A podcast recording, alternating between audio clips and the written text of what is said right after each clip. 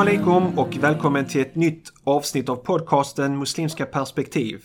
Det är podden där vi diskuterar samhällsaktuella frågor som rör Sverige och omvärlden utifrån muslimska perspektiv. Islamakademin och Tahara.se sponsrar denna podd. Jag heter Salih Tufekcioglu och tillsammans med mig har jag Salahuddin Barakat. Salam alaikum. Wa alaikum salam rahmatullah. Glada nyheter! Ja, Alltså Det var- Facebook är ju sånt ställe där man får alla, all information. Idag är det så, eller hur? Ja, visst, visst. Jag såg en bild på dig när du Signar. signar du eh, tecknar och så var det en man också som jag inte kände igen precis. bredvid dig. Ja. Berätta vad det är för någonting. Det vi signar vårt nya kontrakt i en ny lokal till Mm. Islamakademin då. Och vi har ju varit utan egna lokaler sedan i början på året. Och eh, har varit jättesvårt. Vet, Det är svårt att få lokaler av Absolut. olika perspektiv. För det första så är du en ideell förening, det vill säga du är inte momsad och sånt här. Många har problem med det. Sen utöver det så är du en muslimsk förening. Mm. Och många har problem med det. Och du, du har inte haft någon representant som har gått och letat efter lokaler för dig utan du Nej. har faktiskt träffat de här som ska hyra ut lokaler. Ja, precis. Då kommer du med din kufi och ditt skägg och din Ja. jubba och liksom Ja. Hej jag vill hyra er lokal.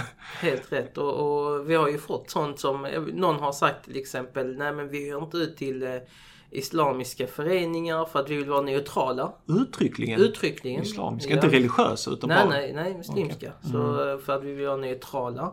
Eh, Hur har du reagerat då? Nej, ja, ja, alltså det var, just det var till en kollega i föreningen. Det jag var inte där. Mm, okej. Mm. Som tur var. Nej, du direkt problematiserat det. Eh, En annan var att börja fråga oss om Isis och sånt här. Oh Eh, my god. Ja, vad vi tyckte om Isis. Och eh, vi, många av dem bara liksom eh, hör inte av sig eh, tillbaks till en när de får reda på att det är en muslimsk förening. Man Mm. ringer första gången vet så här, man lär sig nästan att dölja det. Ja men vi är en förening som håller på med utbildning och så här. Du vet, väl, eh, Nämner lite snabbt kanske att det är en muslimsk. Och då börjar de, börjar de bli nyfikna. Ja, då är de för- nyfikna. Skicka gärna in information om er förening. Mm. Och så här och så. Jag skickade till en stor eh, fastighetsvärd. Mm. Eller ja, så fick jag svaret då efter en lång tid och efter eh, upprepat mail fick jag svar om att nej men vi har ingenting som passar er. Mm. Era krav just nu eller era eh, efterfrågan. Och så sa jag, skrev jag tillbaka. Mm. Okej men eh, vi är beredda att kompromissa våra krav. Eh, vad har ni att erbjuda? Mm. Eh, som kan passa. Så, och då fick jag inte ens något svar. Så att eh, vissa vill ju vara lite finare och trevligare när de, när de avvisar. Men eh, Jag har faktiskt varit i liknande sits också. Ja. Vi hade en förening också, muslimsk Mm. förening, vi skulle leta efter lokaler och vi träffade också lite folk och det var, Mm. det var alltid så jobbigt. Alltså när man kom till den så ändrades tonen och de mm, blev liksom misstänksamma. Man ska plötsligt förklara sig själv och att man sysslar med fredliga grejer och inte våldsamma. det är ganska farligt att man utgår från liksom att det är verkligheten tyvärr. Så Mm. här ser det ut. Och eh, detta är i Malmö. Kanske Sveriges mest muslimtäta stad. men det är inte något som problematiseras så mycket Nej, i samhället, i media. Inte alls, inte alls. Väldigt, väldigt Man får inte sällan. höra om det. Nej, väldigt sällan.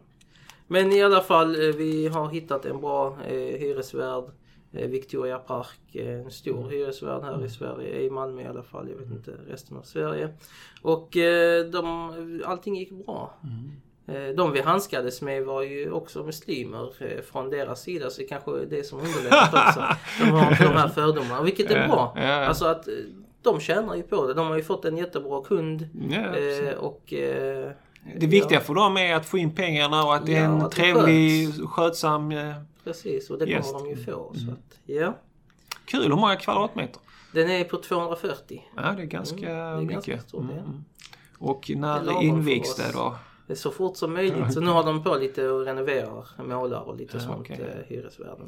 Grattis! Jag hoppas det kommer Ja. till eh, god användning och att ni blir Inshallah, nöjda med lokalerna inshallah. Inshallah. Ja, själv förra helgen faktiskt var jag eh, och föreläste om islamofobi. Ja. Och, I en nybyggd moské som heter Waqf här i Mm. Malmö. Och de bjöd in mig och det var ganska många deltagare. Mm. Jag höll den här föreläsningen. Så jag, jag pratade lite grann för att större delen av publiken där var muslimer själva. Mm. Och det är liksom hur hanterar vi islamofobin? ja. Så jag la inte så mycket fokus på liksom så här ser islamofobin ut. För, Utan hur vi förhåller oss till hur, den hur istället. förhåller vi oss till det? Mm. Jag pratade om det här, jag, jag tog det från två olika synpunkter så att säga, synvinklar kan man säga. En personlig och en som umma, alltså som förening och organisation. Som samfund och så. Mm. Och det jag gick in på, en av aspekter av eh, min föreläsning, handlar om hur ser man tecken på nederlag? För den här konstanta islamofobin som pumpas ut hela tiden. Där man misstänkliggör som muslim, som i ditt exempel. Va? Det nöter på en hela tiden. Klart. Det formar ens personlighet och karaktärsdrag och så. Och jag sa, vi får aldrig bli offer för det här. Och ett av tecknen, om vi tar på den personliga nivån, av att då blir, då, alltså, lett till ett nederlag, personligt nederlag för den här islamofobin som nöts på hela tiden. Ett exempel är, jag vet inte om du har hört den här själv. Det var ett par som hörde av sig till mig liksom. Eh, en syster som sa att Ja, så jag har gift mig, vi, vi är glada och gifta men min man vill inte ha barn. Ja, varför, varför det? Det är fint med barn och massa välsignelser i det. Och det så. Ja, min, min man resonerar på det här sättet att han vill inte sätta dit ett barn till den här världen för att det finns så mycket hat och förakt. Hur kommer han kunna växa upp, eller hon, växa upp i det här samhället med, de, med den rasismen som finns och den islamofobin som finns. Och därför skaffar vi inte barn. man har redan gett upp. Ja, precis. Det är väl det tydligaste. Ett annat sånt exempel är det är inte lönt att jag pluggar i skolan för jag kommer inte få ett jobb. Det är inte lönt att jag fixar en karriär för jag kommer ändå bli diskriminerad på arbetsmarknaden. Du vet, jag är syster, jag har slöja, det är lika bra jag bara stannar hemma. Det är inte lönt att jag går ut i samhället för de kommer ändå liksom dissa mig för min slöja. Ja.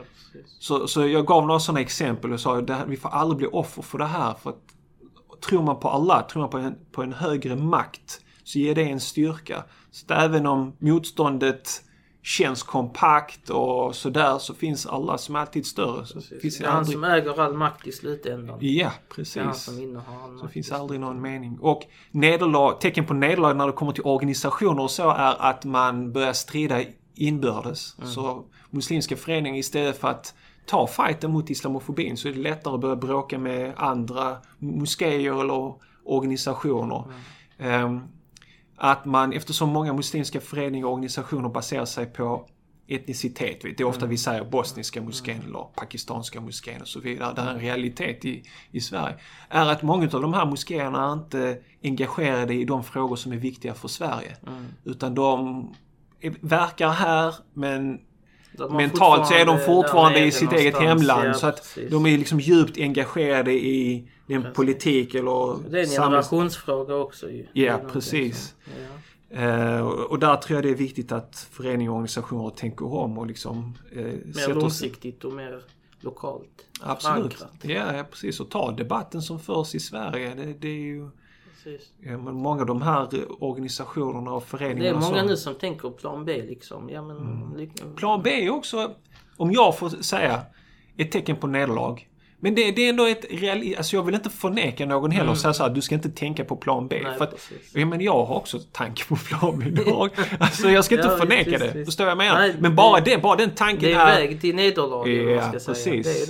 Det är det. Eh, så jag tycker inte om att prata om plan B, även om, du vet. Och, och, och, och Shaitan, han går i alla våra huvuden och viskar, hänger du med? Så att om Shaitan viskar, så länge inte jag implementerar det så är det okej. Mm. Men folk bara tänker, oh jag tänker på plan B, eller jag tänker på det här, jag tänker på synd. Därför är jag liksom syndig och jag Ja, mår... Nej. Det är Shaitan som viskar. Lägg inte så mycket tonvikt vid det, så länge du inte implementerar det. Mm. Men du implementerar det, Shaitan viskar, då är det någon annan sak. Så det är klart att vi hör de här viskningarna.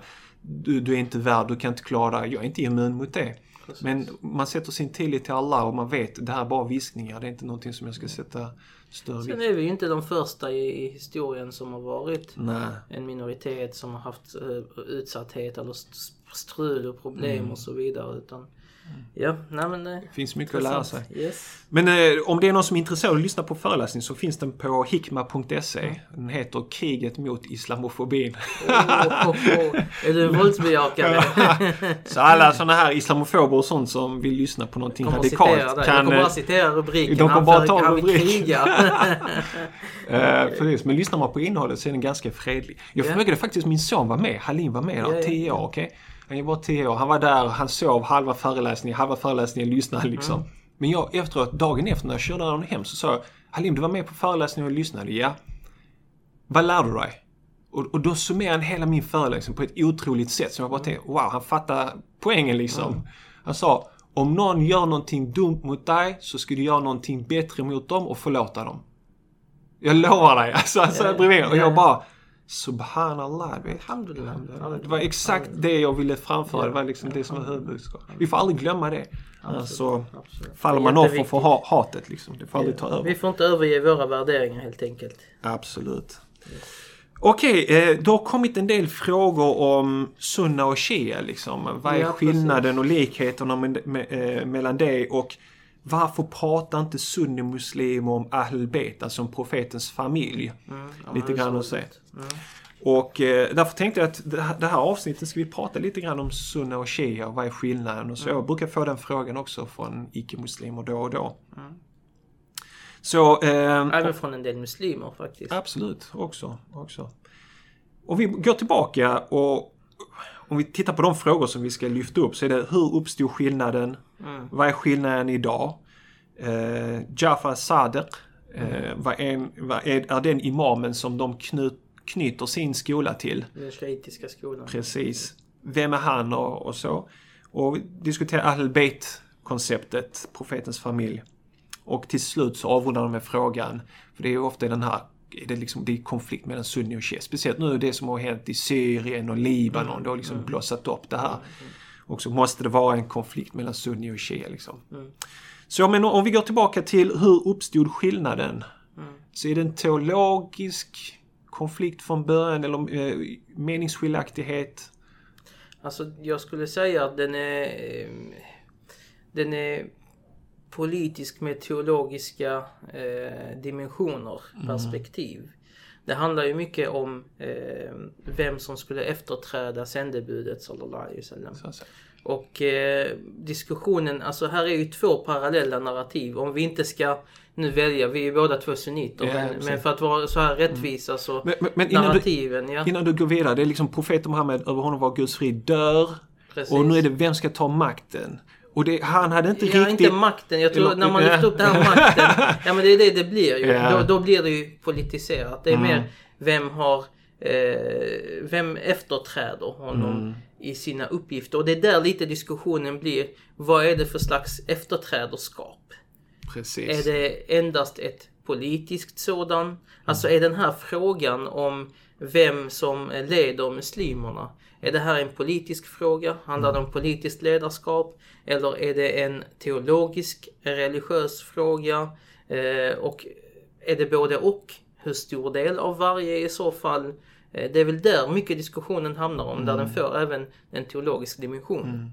Och profeten Muhammed hade inte sagt direkt den här personen efterträder mig. Eh, Det beror ju på Även vilket det finns- narrativ man väljer. Även så- om det finns tecken på det. Ja, så inom den shiitiska narrativet så finns det ju eh, de som säger, det finns ju också självklart, man ska inte eh, s- tro att shiismen är en homogen grupp. Det finns många shiitiska grupper med interna eh, diskussioner och konflikter. De två största är ju Zaidi-shiismen och eh, den eh, Jafari-shiismen eller 12-imams-shiismen. Eh, och eh, Inom 12-imams-shiismen så finns det ju en tradition om att profeten, må Guds frid vara över honom och hans familj, har eh, lämnat efter sig en wasiya, ett testamente, där han utsåg Ali till att vara hans ställföreträdare. Och det finns till och med traditioner som, där, de påst, där man påstår då att eh, han utsett alla 12 kommande imamer och namngett dem. Mm. Mm. Eh, vilket självklart kan diskuteras historiskt även utifrån shiitiska källor.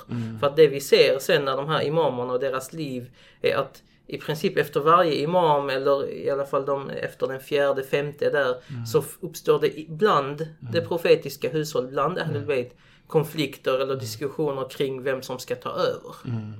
Så att hade det varit så pass tydligt med 12 imamer namngivna av sändebudet med Guds frid var över honom så hade ju de här historiskt bekräftade eh, interna diskussionerna inte uppstått.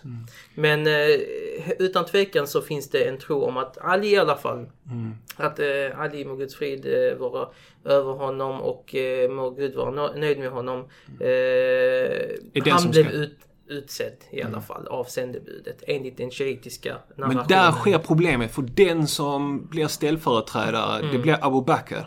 Precis, så vem som istället blir ställföreträdare det blir Abu Bakr. Mm. Och det sker i någon slags eh, i, en shura, i ett råd. Mm. Eh, lite så här alla demokrati.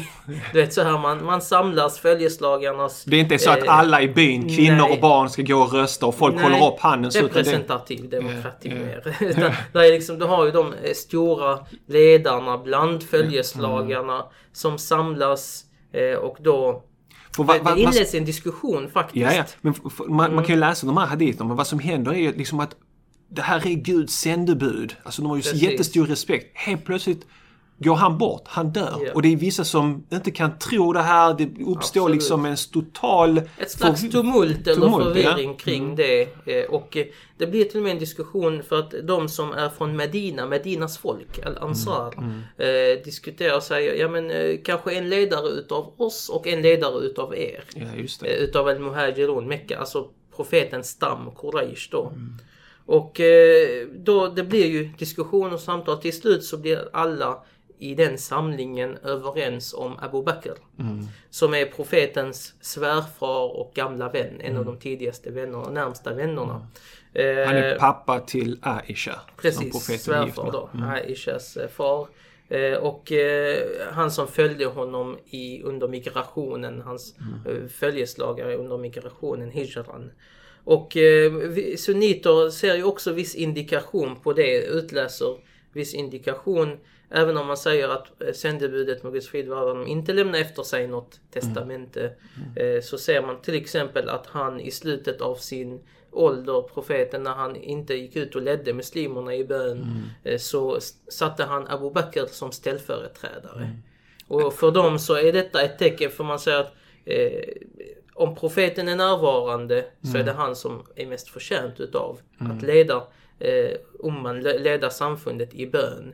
Och är inte han där så väljer han ut sin ställföreträdare och särskilt eftersom det sker i slutet av tiden när det närmar sig profetens bortgång så är det, ses det som ett tydligt tecken. Man säger till och med man säger, om han har anförtrott oss att leda oss i bön, som är det viktigaste, Absolut. så är han mer än förtjänt att leda För oss i världsliga frågor. Precis, det var profetens roll att leda muslimerna i, Absolut, bön det var i ju den han, moskén. det, och det är ju generellt sett så. Ledaren har alltid företräde, alltså statsöverhuvudet. Kaliferna var de också som- De hade ju alltid Mm. företräde i att leda i bön om de var närvarande.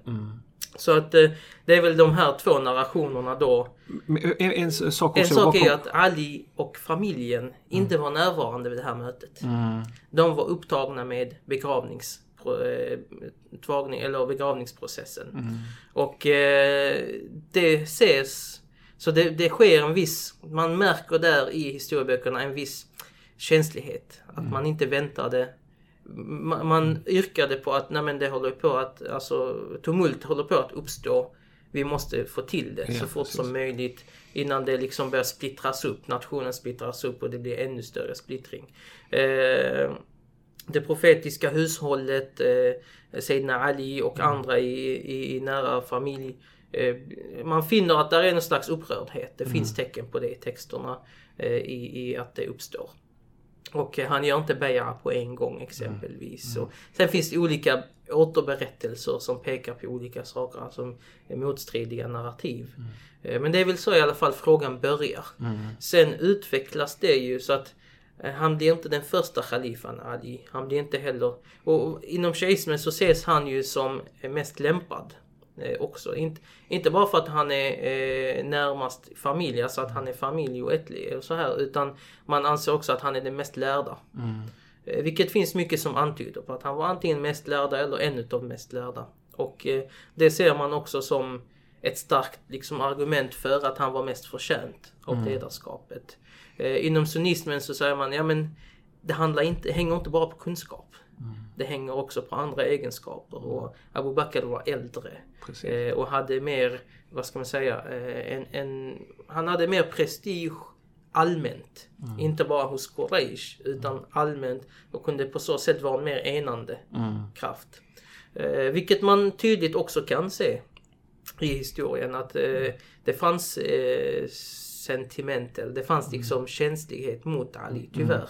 Eh, väldigt tidigt. Och det, mycket hänger ju också, går tillbaks till en konflikt mellan Beni Hashim och Beni Umayya. Alltså Mm. eh, två stammar. stammar, från Quraysh. Precis, det här stamtänkandet Mm. eh, levde kvar. Det är inte, svårt, det är inte lätt att få bort det. Så att eh, den, den konflikten ligger också i på något sätt. eh, Den här stamkonflikten. Och i början så är ju alla det, det är ju främst en politisk fråga om man säger så. Skulle man kunna säga. Med några teologiska undertoner. Sen dock, eh, det, det skulle jag säga vara så i alla fall de första 100-200 åren till och med. Att det mest var en eh, politisk fråga mer än en teologisk eh, fråga som sådan. Det, man hade, det nämns inga akida skillnader, alltså skillnader i troslära eller ens i rättslära. Det var inte en sån skiljegrej. Utan det var mer eh, den här ledarskapet. Och inom zaidi-shiismen så är man ju accepterande av Abu Bakrs och Omars och Uthman, de tre första Det är de shia som finns mycket i Jemen. Och Precis, de det. finns i Jemen bland annat.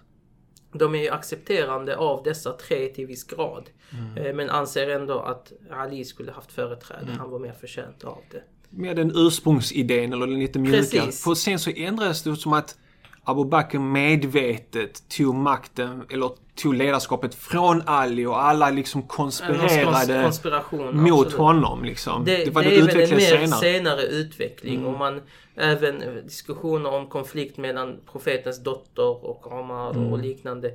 Sådana, som man, det man kan utläsa i de tidigaste källorna är någon slags känslighet mellan de här olika parterna.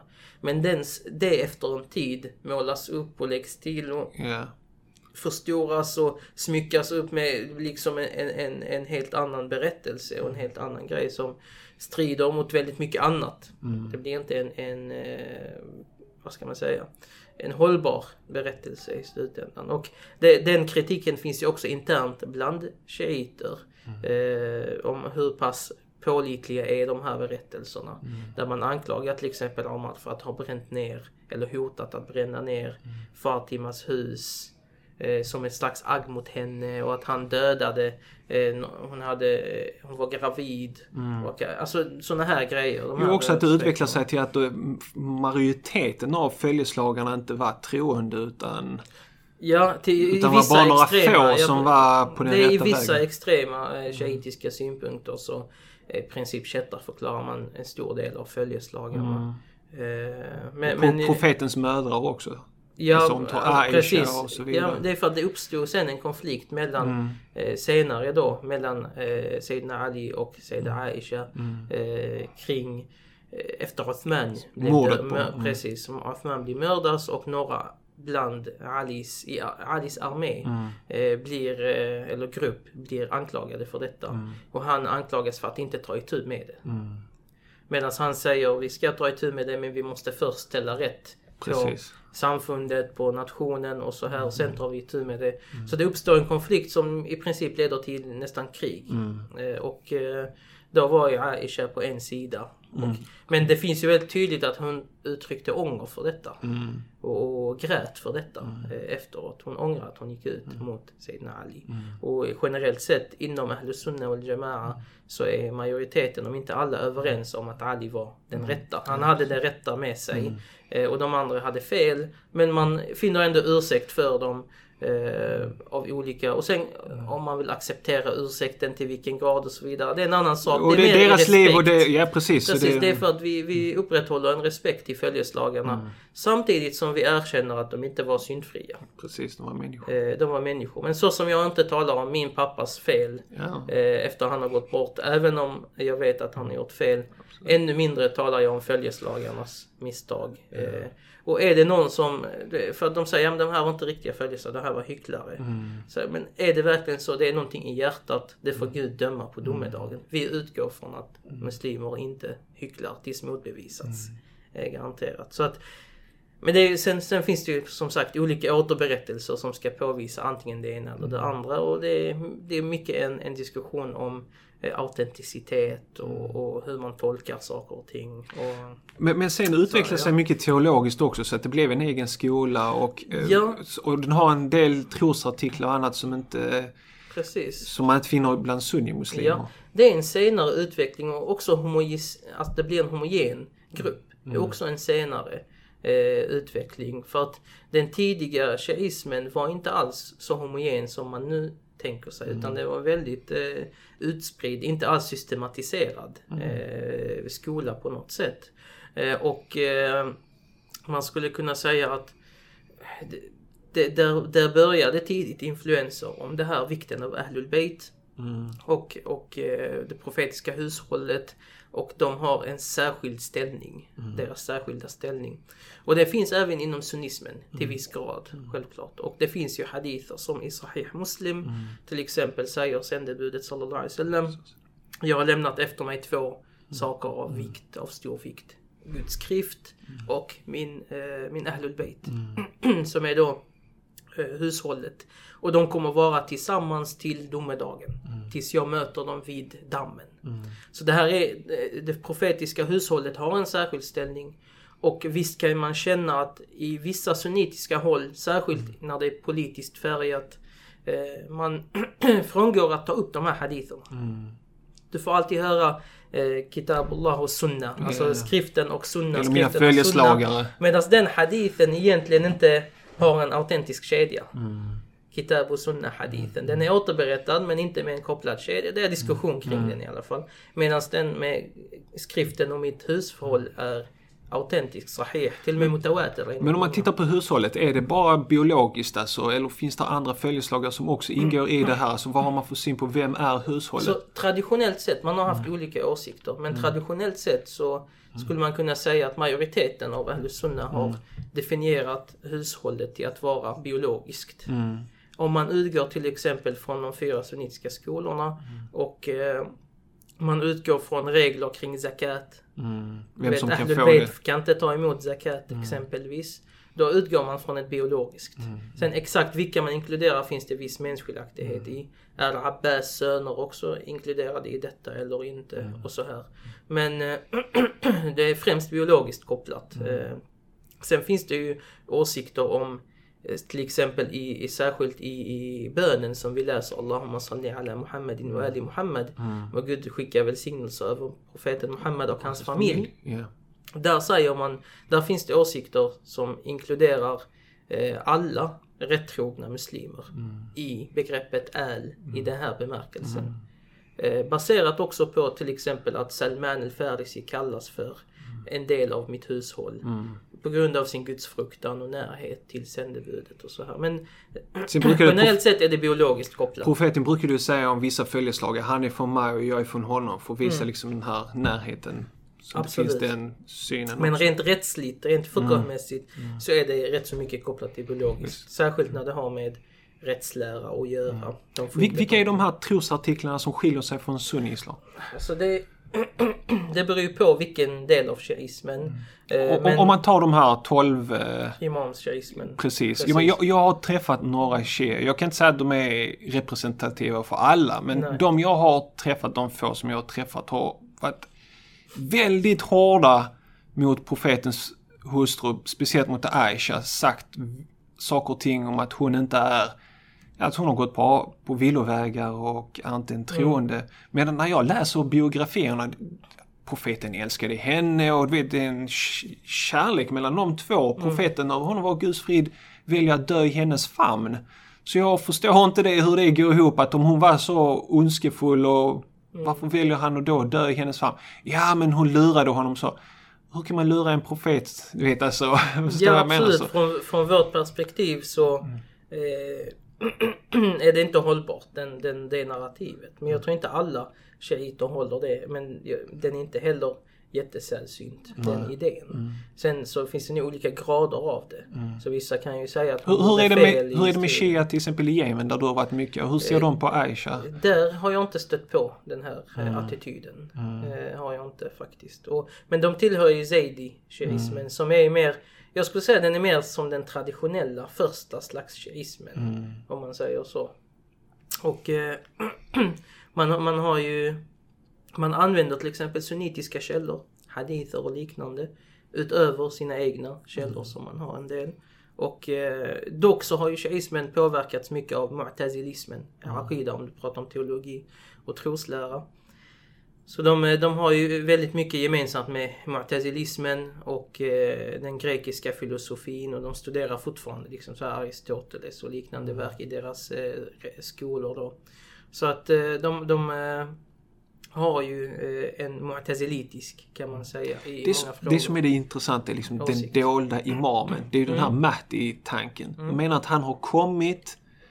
Precis, det då, då Den har, man har 12 Mahdi. imamer. Det är en del av deras trosartiklar, det är något som skiljer oss åt. Så man har eh, 12 imamer som anses vara syndfria och som anses dessutom vara av högre rang än profeterna. Alla förutom eh, profeten Muhammed och Abraham, Ibrahim alaihi salam. Eh, för de anses också vara imamer. De har också kallats för imamer. Ja, Därför har de innehar de den rangen. Men i annat fall så det jag har eh, av kunskap om det är att de anser dem att vara högre rang av än profeterna generellt sett. Och de är syndfria och de är då eh, på något sätt utvalda av Gud också. Eh, och den tolfte av dem, eh, Muhammed ibn Hassan al-Askari då, eh, är, eh, anses vara eh, en som eh, gick i en slags doldskap, alltså reiba, eh, och ska träda fram igen. För att du vet, vi har ju också Mehdi-berättelsen. Mm. En slags frälsarfigur som ska komma i slutet av tiden och eh, bekämpa eh, Dajjal, eh, bedragande Antichrist liksom tillsammans med Jesus och, och så här. Och återupprätta rättvisa och dygd i världen. Och eh, det har de också men, eh, och båda har att det här ska ske när han kommer. Så när han kom så skedde det inte. Eh, så att eh, det finns, och där är ju mycket diskussioner också eh, om, om eh, det finns till och med diskussioner om han ens föddes. Mm. Så du har till exempel hans eh, farbror, ganska- Farbrodern eh, Jafar. Mm. Hans farbror berättas det att han sa min bror Hassan har inte haft någon, Mm. något barn. Mhm. Och man vet inte riktigt vem mamman är, alltså det är olika narrationer. Det är mycket diskussion. till mystik eller Ja, osäkra källor. Väldigt mycket diskussion kring det. Och han hade då ställföreträdare.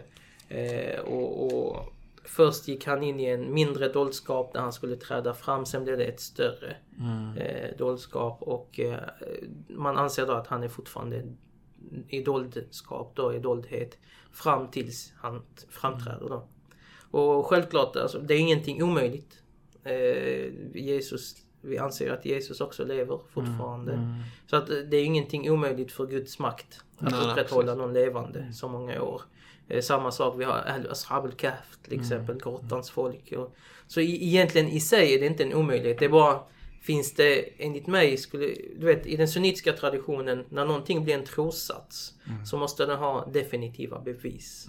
Särskilt om det tillhör trons pelare. Det kan inte vara något spekulativt, liksom någonting osäkert. Och det är där jag skulle ifrågasätta om den här, de här trosartiklarna verkligen är qat'iyya, definitiva i sin, i sin Det, vi, det man ofta ser när man ser shia så här på TV och så, det är oftast de här, du vet, när de plågar sig själva. Eh, de Mm. Den delen är inte... svärd det, det är en och senare till, och sådana här Det är en senare tillagd Ja. sak som eh, inte representerar, skulle jag säga, shiismen i grund och botten. Eh, tyvärr har det ju varit mot dem mer än för dem, mm. alltså de här aktiviteterna. Och det, Det- finns de bland dem som kritiserar det. Ja, de säger att det är till överdrift. Det man ska göra när man sörjer det är liksom slå nätt med Inte handen ens på det, bröstet. alltså, ja, absolut, man, de visar tecken på sorg men Mm. de säger inte att det här är en del av eh, deras iman eller Mm. liknande. Så att, men, men, eh, och det finns de som kritiserar det och säger att det här är en bid'a, liksom, det här är en innovation, det här är någonting, ett tillägg Mm. som, som eh, inte bör vara där. Mm. Och det var inte där i början utan det är ett senare tillägg, en senare influens skulle man kunna säga. De knyter sin skola till Jafar al-Sadiq. Vill du nämna lite grann om... Ja, alltså, och det är en fråga man ofta får. De säger, ja men alla fyra imamer var elever till Imam Jafar. Varför följer vi inte till Imam Men Jafar? de levde väl inte alla samtidigt? Nej, precis. Bara det är en På en geografisk punkt. Ja, vi har eh, narrationer om att Abu Hanifa exempelvis var elev till Imam Jafar. Mm. Eller att han studerade med honom i två år. Mm. Och då studerar han de andliga vetenskaperna. Eh, Det finns, så, eh, det finns ett uttalande som är känt. eh, Laulala sanatan Nu'man. Hade det inte varit för två år så hade Nu'man, alltså Abu Hanifa, varit tillintetgjort. Eh, Så det finns sådana uttalanden, även om man diskuterar deras autenticitet så är det bekräftat att han har mött Jafar mm. al-Sadiq och han har till och med mött Imam Zaid. Mm. Han har mött eh, Imam Muhammad al-Baqir mm. som eh, skulle egentligen tala för att det, det, har inte funnits den här splittringen. Mm. Alltså, som man nu påstår. Precis. Man har sett Imam Jafar, inom den sunnitiska traditionen har han sett som en utav många lärda. En mm. av de största imamerna dessutom. Mm. Eh, men inte att han innehar all kunskap mm. eh, och, och, besitter all sanning endast. Utan han har haft sin ishtihad, sina tolkningar och andra har haft sina. Mm. Och det kan man också se i eh, alltså meningsskiljaktigheter som finns mellan honom och andra imamer från Ahlul Bayt. Mm. De har inte varit överens i alla frågor. Ja. Och Imam Zaid till exempel, hans farbror, var inte överens med honom i mm. alla frågor. Och inte heller med hans bror Muhammad al-Baqir, pappan då. Mm. Eh, det vi vet i alla fall, inom den sunnitiska traditionen så ser vi alla som stora lärda, som stora imamer som har både dygden av kunskap och dygden av att vara från Ahlul Bayt. Mm. Som är en dygd i sig, som erkänns i Ahlus Sunnah wal Jama'a. Och att deras kunskaper är bevarade i den sunnitiska traditionen. Mm. Och det är intressant om du faktiskt kollar på Hanafi-skolan och Zaidi-skolan så är de till 75% överensstämmande. Väldigt lika varandra. Och det finns även återberättelser om mötet mellan Zaid och Imam Abu Hanifa i deras verk. Mm. Alltså i, i, deras tidigaste verk. Mm. Eh, och de var ju båda, eh, Imam Abu Hanifa var ju en stor eh, politisk stödjare av Ahlul Bayt. Mm. Eh, och likaså de andra imamerna från Ahlus Sunna. Och eh, det, det oftast gör anspråk om att Ahlus Sunna har negligerat, alltså har bortsett från Ahlul Bayt, vilket jag tror handlar mest om okunskap. Mm. Eh, om man kollar i våra eh, verk, klassiska verk, deras åsikter finns nämnda och deras åsikter har tagits och anammats och applicerats eh, till stor utsträckning inom de fyra skolorna. Mm. Så att, och det finns faktiskt lärda idag. Jag har själv eh, tre, fyra verk av sunnitiska lärda där de har samlat de här åsikterna. Mm. Så man har gått in i sunnitiska böcker och grävt fram alla uttalanden från Jafar al-Sadiq, från Muhammad al-Baqir och så här. Eh, och samlat dem i enskilda verk. Väldigt intressanta verk. Som visar att eh, Ahlul Bayt har inte alls förringats mm. eh, inom den sunnitiska traditionen. Tvärtom skulle jag säga att eh, det finns nog ingen familj i den muslimska, sunni-muslimska traditionen som har producerat så mycket lärda som den profetiska familjen. Om man går in och kollar, det är många som inte känner till men går man in och börjar kolla med vilken släkt kommer han med, vilken mm. ättelängd har han? Mm. Så är de bundna till sändebudet. Mm. Och det är någonting som kanske vi har tappat bort mycket nu mm. i senare tid där sånt har blivit mindre relevant. Men mm. kollar man historiskt mm. så är det väldigt förekommande i den sunnitiska traditionen och man har inte alls gjort av med dem. Diskussionen dock som uppstår det är hade Imam Jafar en skola? Det hade, alltså han var en mushtahid. Mm. Levde den här skolan vidare? Det är där diskussionen kommer.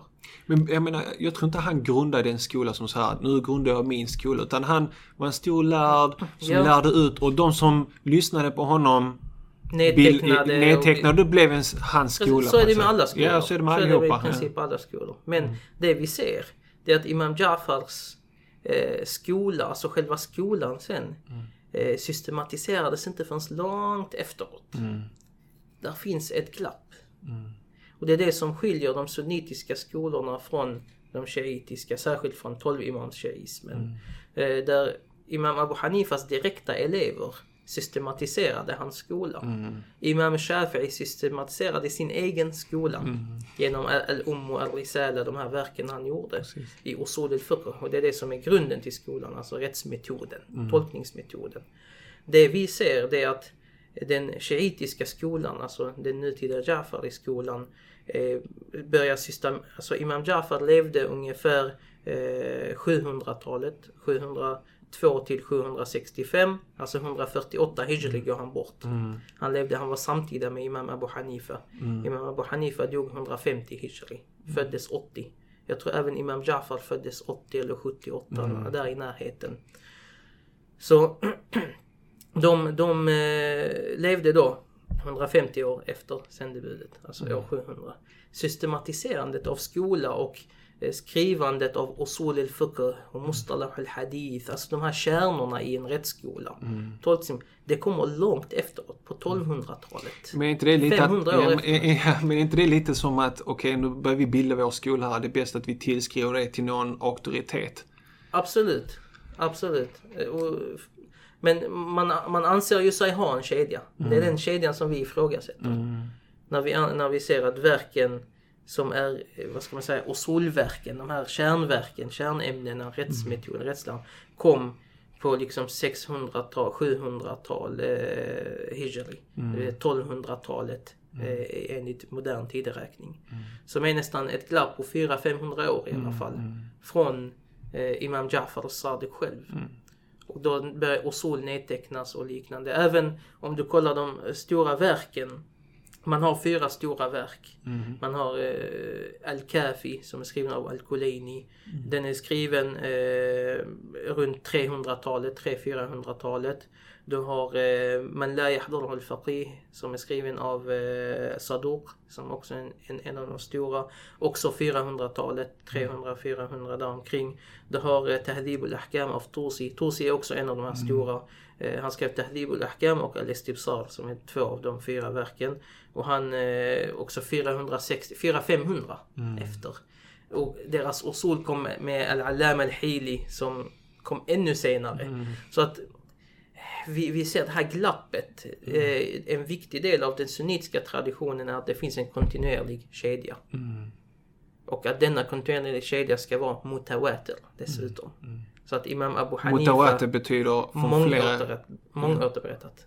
Det vill säga, Imam Abu Hanifa har haft många elever. De kan inte ha hittat på det här. honom. Och i varje generation så här. På samma sätt. Det ser man saknas i Jafari-skolan. Därför så kommer den inte ses som en legitimt upp, alltså traderad skola upp Vi kan till inte vara säkra på att källorna når till imamen utan det är Precis. mycket... Precis. Och, hela, och mycket av de här som finns till exempel i Al-Kafi, mycket av återberättelserna som kommer från Imam Jafar As-Sadiq alayhi salam. han- De, de är inte eh, Alltså själva, eh, vad ska man säga, graderandet av dem. Är de sahih eller daif och så vidare. Den kunskapen kom långt, in, eh, långt efteråt. Baserat faktiskt på sunnitisk eh, hadithkunskap. Specifikt Ibn Salah, alltså en av dem, Muqaddimat Ibn Salah. Och samma sak, deras usul var väldigt mycket baserad och influerad av sunnitisk usul. Imam Shafi'is Risala och andra böcker som kom efteråt. Så att eh, på så sätt så från sunnitiskt perspektiv så ses inte skolan som riktigt för, till skillnad kanske från Zaidi-skolan som har lite mer av den här kontinuiteten. Det, fi- även om den inte också anses helt legitim så är den närmre. Om man säger så. Den har en viss kedja och den, de har sina lärda som ändå har varit respekterade och omnämns. Och många stora imamer har kommit från Imam Shawkani till exempel, Sanani. Många så här har kommit från Zaidi-skolan och Zaidi-traditionen. Eh, Som är väldigt nära sunnismen. Så det är väl det. Imam Abu Hanifa, ja, han studerade med Imam Ja'far eh, två år eller tog kunskap från honom. Och troligtvis tog även Imam Ja'far kunskap från Imam Abu Hanifa och eh, utbytte kunskap som man gjorde på den tiden. Och inte mer än så. Alltså, eh, det betyder inte att Imam Ja'far eh, hade, hade hans, leva, hans skola levt vidare på samma sätt, man hade tagit hand om hans åsikter på samma sätt, så visst, då hade man kunnat diskutera det. Men det gjorde inte det. Det har ju också lite med deras tro, troslära att göra om att imamen är syndfri. Man behöver inte ishtihad när imamen Men, men finns och så vidare. just det där du nämnde att han är syndfri och att de har högre status än vissa profeter och så. Jag har också läst lite grann, du får rätta mig om jag har fel, men också att man tillskriver dem nästan gudomliga egenskaper, att de kan styra över himlarna och de har väldigt stor makt så att säga. De är övermänniskor nästan. Ja, absolut. Eh, Det, de skulle inte fortfarande vara gudomliga. Man, vi anser ju att änglar har den här makten till exempel. Alltså eh, har makt över väderleks, eh, alltså så här påverkan. Men de har inte, det är ju någonting som Gud skapar i slutet. Det är inte, änglarna har inte den makten Nej, nej, i sig nej. själva. Eh, Och eh, visst, de tillskriver en del sådana här eh, attribut. En del utav dem i alla fall. Till imamerna. eh, en väldigt hög ställning och så. Om vi kommer tillbaka till modern tid. Ja. Eh, Det är kriget... också viktigt bara en, en, alltså att, att Ahlul Bayt inom den sunnitiska traditionen har eh, väldigt eh, hög ställning. Mm. Kollar man ända tidigt från Abu Bakrs tid till exempel, anh, och sättet han förhöll sig till profetiska familjen och därigenom ända till vår tid så är respekten väldigt stor. De har särskilda regler. Du vet under Osmanska riket så fick man till och med ett särskilt ID. Mm. Om man man- tillhörde... Precis när man tillhörde profetens ättlingar. Och man till och med fick så här stöd för att syssla med kunskap. För att man på något sätt representerade sändebudet. Och man kan ju säga att de, de, var, man än, var de än har gått så har de fått väldigt mycket inflytelse. Kollar du när de begav sig till Nordafrika. Eh, de blev ju kungar. Alltså de blev tagna och satta som kungar och liknande. Än idag är det liksom deras ättlingar som styr i Marocko och i många av de här länderna.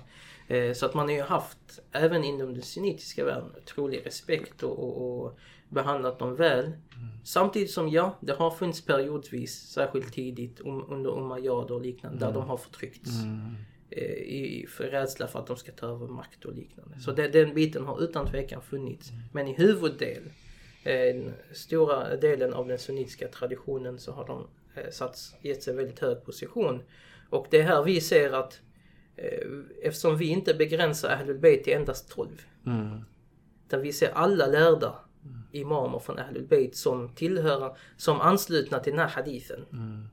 Det är någonting som är kontinuerligt. Det finns idag lärda från, flera av mina lärare var från Ahlul Bayt. Stora imamer, de är också bundna till den hadithen. Ja. Eh, om att Koranen och, och Ahlul Bayt ska vara tillsammans till domedagen. Eh, så att Man ska inte begränsa det bara till 12 Nej. utan det finns Nej, mycket fler. precis. Imam Zaid var en jättestor imam. Mm. Eh, Sen har vi liksom stora Said Abdul Qadir al-Jilani som är älskad av alla. Mm. Till och med, du vet, eh, Sheikh Ibn Taymiyyah. Ja, jag vet det. Älskar, alltså de Det säger... är, bara, det är bara förståelsen av vem han var Ja absolut, liksom... absolut. Så du har två imamer som han respekterar, som han ger sådana titlar som Imam Ahmad och Said Abdul Qadir al-Jilani. Och han är älskad av alla. Mm. Och många sådana imam, det är också imamer. De är också från Ahlul Bayt. Ja. Så ja, det, den sunnitiska förståelsen av Al-Bayt är kanske bredare då, inkluderar fler. Och om vi går till modern tid och eh, om vi tittar på inbördeskriget i Irak och det som har hänt där Syrien med ja, sekteristiska konflikter har blossat upp igen efter de här, vad ska man säga, Saddam och alla de här sekulära som har lagt på locket eller vet, spelat ut de här grupperna och helt plötsligt så har det här blossat upp och det är väldigt infekterat. Hizbollah till exempel har soldater inne i Syrien. i Syrien och strider där med, på Assads sida. Och så att det blir väldigt problematiskt. Vad, vad är lösningen ur det här? Är det liksom betyder att Sunni och Shia måste... Kriga ständigt Krigas. med varandra. Alltså vi har haft långa perioder där man inte har krigat med varandra. Mm, Och sen har vi haft perioder man har krigat med varandra. Jag tror det handlar mycket om politik och makt mer än teologi och tolkning i slutändan. Som det oftast gör när det handlar om krig och makt. Och jag tror att jag, jag är inte, jag kritik, jag tycker vi alla som muslimer, den som erkänner sig som muslim, säger sig vara muslim, måste vara rättvis för eller mot en. mm. Ja, absolut. Och jag vet, det finns förtryck mot shia bland sunniter. Det förtrycks mot shia i sunnitiska länder. Och det finns förtryck mot sunniter i shiitiska länder. Absolut. Eh, de, jag tappar respekten automatiskt för en som bara ser den ena sidans förtryck. Mm. Som bara liksom, nej, de, vi gör inget fel där. Vi, vi skyddar islam, vi strider för islam och så här. Och så dödar man shiiter. Och samma sak så ni, eh, dödar man sunniter i Slä, spränger deras moské och Pakistan har det hänt flera gånger och Precis. på andra ställen. Precis. Massor av människor dör. Precis, Mm. så att eh, fördöm förtryck. Oavsett av vem, oavsett mot vem. Det är väl det en muslim bör göra, tycker jag. Mm. Så, ja. Jag tror kommer vi dit där så kan vi komma någonstans. Eh, om vi ens för blinda för att se att förtryck sker, sker från båda sidor, mot båda sidor, då kommer vi inte så långt, tyvärr. Eh, tror jag. Så att jag tror det handlar mycket om det. Eh, och jag hoppas, alltså vi har ju våra meningsskiljaktigheter Mm. teologiskt. De kan vi diskutera och argumentera hur mycket som helst. Eh, att det ska bli blodbad och krig Det är något annat. Det är något helt annat, absolut. Och, därför, och det ser man också, man ser vilka som och det, det får man också tappa respekt. Till och med lärda liksom som i, i vissa tider så är de Ja, vi är bröder med Shia och vi, Shia, vi är bröder med Sunni och vi ska samlas och enas och så här. Ja. Sen efter några år, nej nu är de kuffar och de ska dödas. Precis. Politik. Ja. Antingen ser du dem som muslimer och vi är bröder och vi bör lära oss komma överens trots våra eh, olikheter. Eller så ser du dem som kuffar och fiender. All, alltså, det, du kan inte bara ändra dig som vädret. Vinden blåser hit så vinden blåser dit. Ja. Utan lite mer eh, skulle man efterfråga lite mer så här integritet. Mm. Akademisk, religiös, jag vet inte, integritet. Mm. Förhåll dig, ja. Tycker du inte de är muslimer, okej, behöver inte döda dem ändå. Nej, precis. Liksom, precis. vi har inte rätt att döda dem bara för att de inte... Så, och, och tycker du att de är muslimer, förhåll, förhåll dig på det sättet. Säg de är muslimer, de gör fel. Mm. Mm. Men vi vill försöka hitta en lösning för att vi i slutändan, innan man minuna ikhwa, de troende är bröder. Liksom. Wallahu a'lam. Ja, vi får se hur Ja. det utvecklar sig den här politiken. Yes, alltså, yes, det, yes.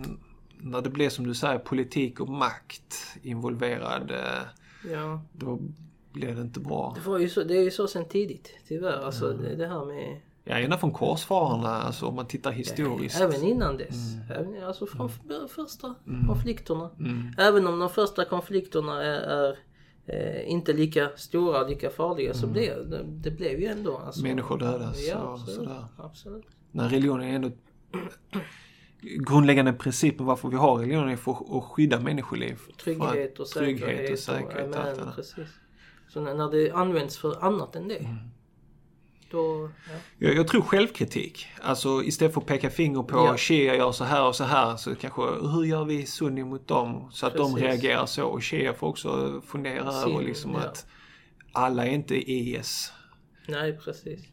Du vet, shia har kommit fram till mig, hej din IS och sådana här grejer. Liksom. Nej, Hallå, jag har också varför varför säger du så? Alltså du känner ju inte ens mig och så. Ja, Men han har säkert mött en massa du vet, skumma grejer från sunnimuslimer som har slängt. Ja, men man får men, inte dra alla över en kam. Nej, Alltså. men shiiter är inte heller helt oskyldiga i, i Syrien. Långt ifrån Ja, liksom. Eh, Men jag, för mig är det inte för att de är shiiter som Nej. sådant. Nej, nej, precis. Eh, utan det handlar mer om just den konflikten Mm. där. Och det är massa annat som också. Sen självklart används ju ett sekteristiskt, en sekteristisk retorik från Mm. båda håll. Eh, och den har ju ökat med de här senaste åren. Det märker vi tydligt liksom. Eh, och det gör det på båda sidorna. Den ena är inte mindre skyldig i, i de här aspekterna i att pusha liksom. Jag, jag, jag kan säga så här. Jag, jag träffade en tjej som sa så här, hej din IS och sån här grejer liksom. Och jag sa till honom, jag, jag fördömer det som IS gör mot Shia. Jag tycker inte det är rätt. Mm. Men så sa jag till honom, tro inte att alla Shia i Syrien är värsta änglar heller. De gör fruktansvärda saker också. Jag har Mm. sett video på det. Och då bara viftade han bort det. Nej, nej, nej, nej, det där är inte... Och det, det är där som jag menar det att man inte, är- förstår vad jag menar? Ja. Man ser bara den andra sidan. Och det är det Precis. som är liksom begynnelsen till extremism. Det När måste man bara komma ser att det är ifrån. den andra sidan som är Ja, problemet. Det måste man komma ifrån. Och jag sa till honom, IS är sunni, jag kan inte förneka dem det. Men jag Det, fördömer jag, det, jag, de jag förnekar att de är sunni, men det är en annan De kallar sig själva De kallar själva, ja, absolut, det- absolut. Sig. Men, men jag, jag, jag... Såg du inte min Darth Vader-inlägg?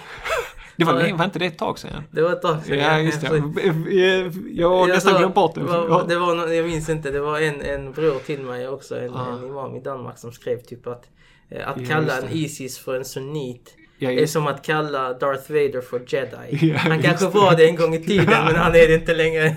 Efter att han har dödat andra jedi så är han inte längre. Ja, jag kommer ihåg den. Den var riktigt bra. Vet, för jag är en sån Star Och Wars-fan. Isis i dödar ju sunniter också. Ja, ja, absolut. De kanske dödar mer sunniter om man Ja. skulle räkna. Ja, ja, ja. Vilket är, är inte så jättekul men om man skulle räkna alltså hur många som har dödats av sunniter. och Jo, men det, och, det, och, det, och det är det som är grejen, vet, till exempel när, när kristna ser förföljelsen av kristna i Egypten. Vet. Mm. Åh, kristna förföljs i Egypten. Ja, det gör det. Och det, det är fruktansvärt. Mm. Men samma grupp som förföljer kristna i Egypten förföljer sunnimuslimer också och Absolut, dödar dem och kanske absolut. dödar fler sunnimuslimer än vad de dödar kristna. Ja. Så det är inte så att de bara är ute efter kristna utan de är ute efter alla som inte är Ja, på visst. deras... Du vet att Daesh Nej. har ibland gett bättre villkor till kristna än till Mm. andra muslimer. Där, där, där, där kristna ändå får en sån här, alltså zimma, vet, de Ja, får ett kontrakt de ja. där de får leva under, så, under deras stat och så här som kristna. Medan sunni antingen erkänner du honom som khalifa eller så dör Ja, du som en avfällning. Ja, Ja, precis. precis. Det är mycket tuffare. Ja. Det Yes. kanske är ett ämne vi kan ta fram, lyfta ja, precis, ett annat tillfälle. Alhamdulillah.